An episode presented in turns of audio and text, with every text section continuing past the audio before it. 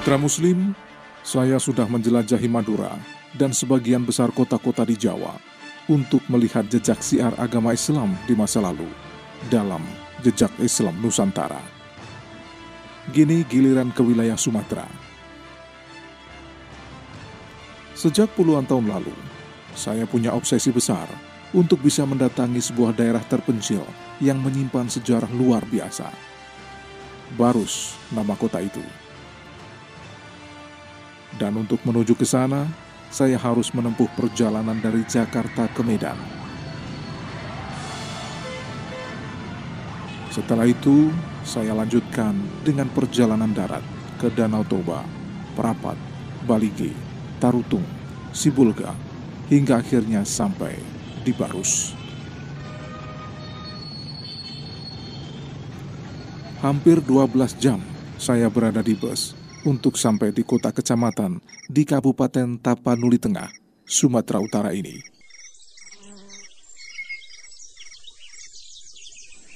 Saya menginap semalam di salah satu masjid di desa Padang Masyang, agar esoknya saya bisa pergi ke hutan dan melihat pohon kapur barus.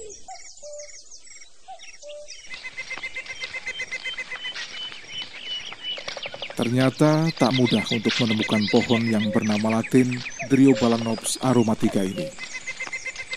Saya bersama dua warga Padang Masyang harus berjalan sekitar 11 km dan menerobos rimbunya hutan.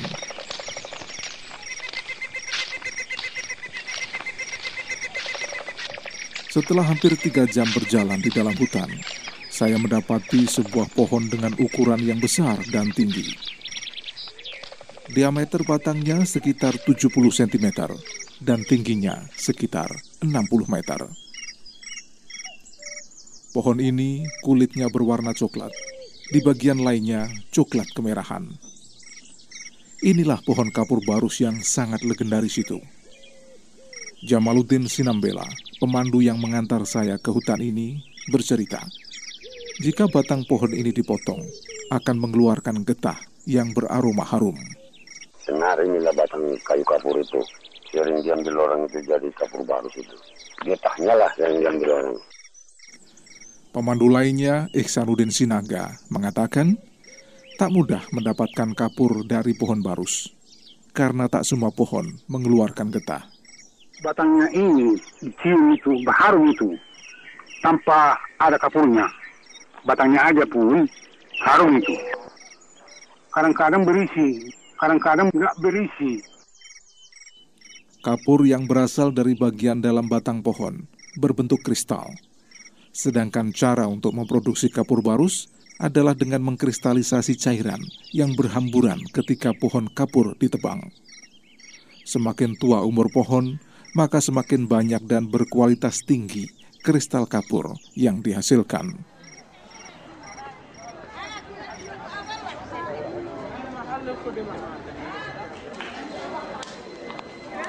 Pada masa lalu, kapur barus dan rempah-rempah merupakan komoditas perdagangan yang sangat berharga. Bangsa Arab menyebut kapur dengan kafur. Sementara wilayah penghasilnya, yaitu Kecamatan Barus, saat itu dikenal dengan nama Fansur.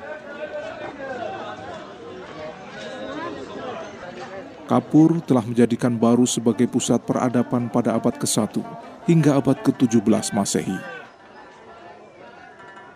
berbagai ekspedisi perdagangan, entah melalui jalur sutra maupun yang mengarungi samudera, telah membawa berbagai bangsa berbondong-bondong menuju Barus.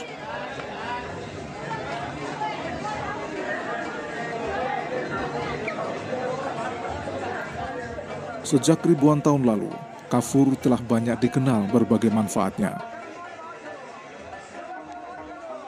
Oleh pakar kedokteran Islam misalnya, dalam Tibun Nabawi Imam Al-Tahabi menyebutkan kafur atau kapur barus digunakan untuk memandikan mayat. Khasiat lainnya mampu menghentikan mimisan, menguatkan panca indera, menghentikan libido, dan jika menciumnya bisa membuat kita terjaga. Apabila diminum, ternyata dapat menghentikan diare. Disebutkan juga oleh Al-Makdisi bahwasanya kafur jika digunakan untuk memandikan jenazah, bisa membuat jenazah menjadi harum, keras, dan dingin sehingga tidak cepat rusak.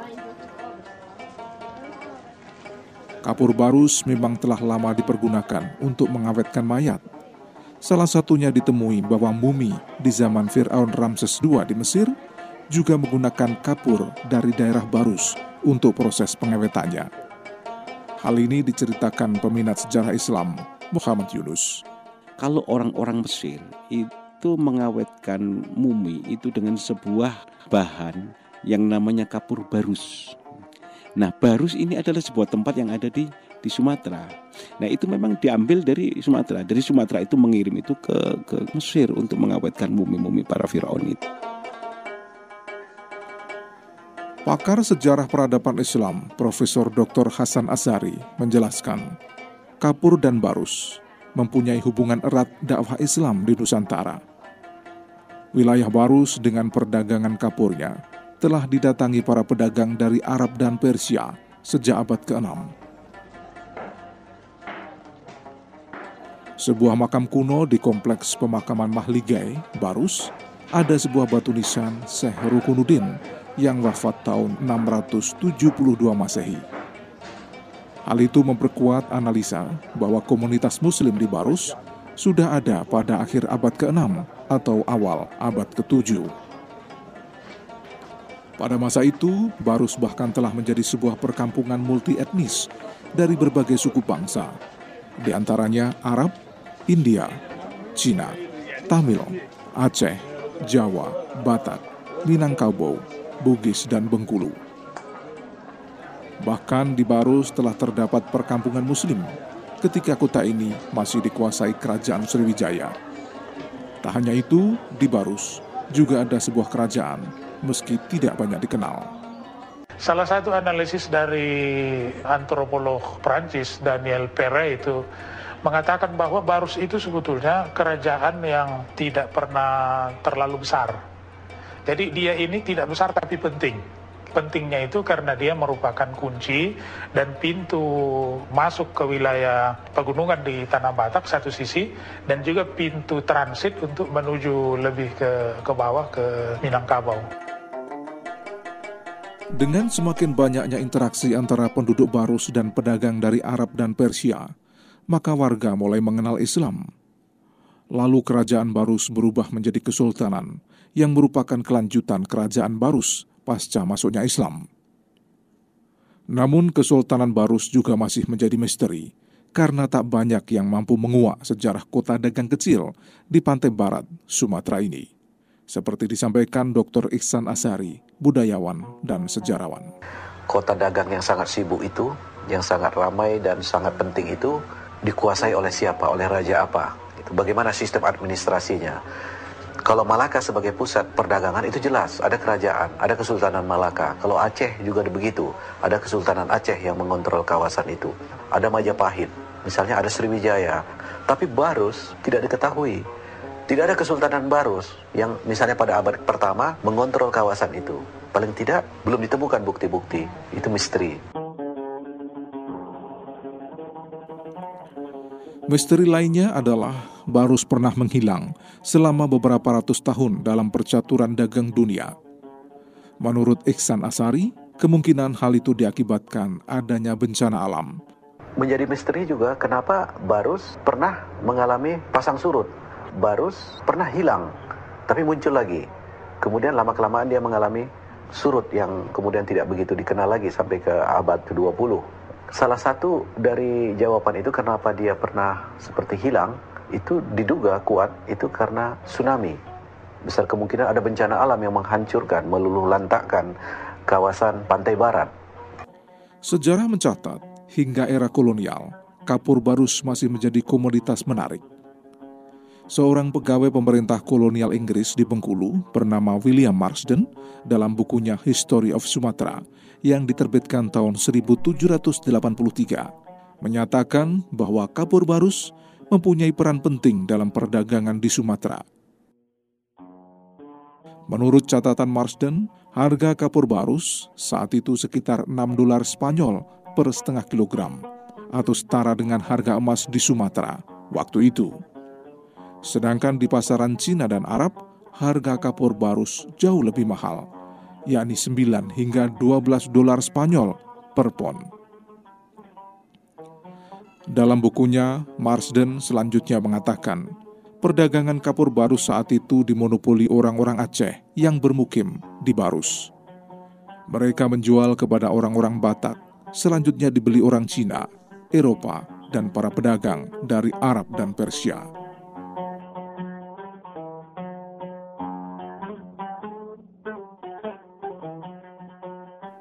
Pesona kota Barus mulai meredup ketika terjadi peralihan kekuasaan antara kerajaan Sriwijaya, Samudra Pasai, hingga kerajaan Aceh di kemudian hari yang berkonsekuensi terjadinya peralihan pelabuhan pusat perdagangan internasional.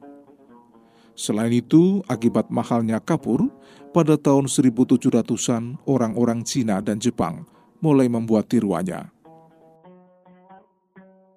Harga kapur barus benar-benar jatuh hingga tak bernilai lagi setelah ditemukan kamper sintetis berbahan dasar dari pohon-pohon lain yang harganya lebih murah dan tentu saja mudah didapat.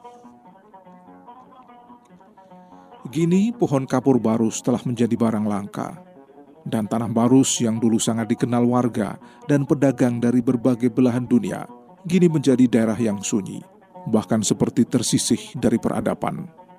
Nuim Hayat, pemerhati sejarah Islam yang tinggal di Australia. Kita memandang dengan sebelah mata kawasan Barus yang terletak di pinggir pantai barat Pulau Sumatera.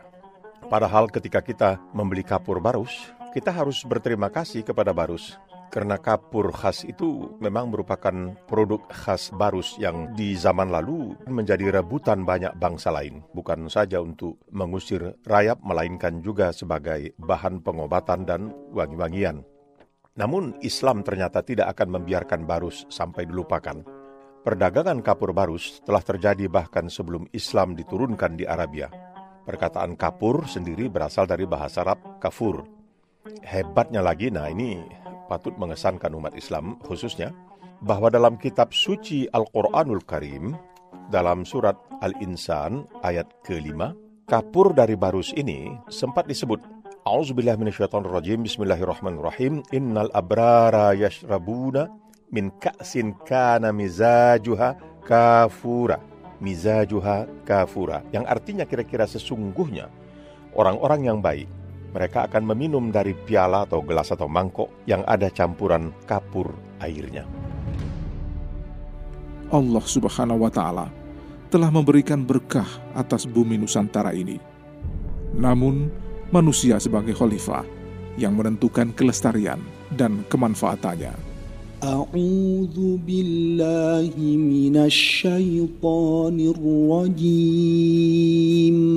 بسم الله الرحمن الرحيم.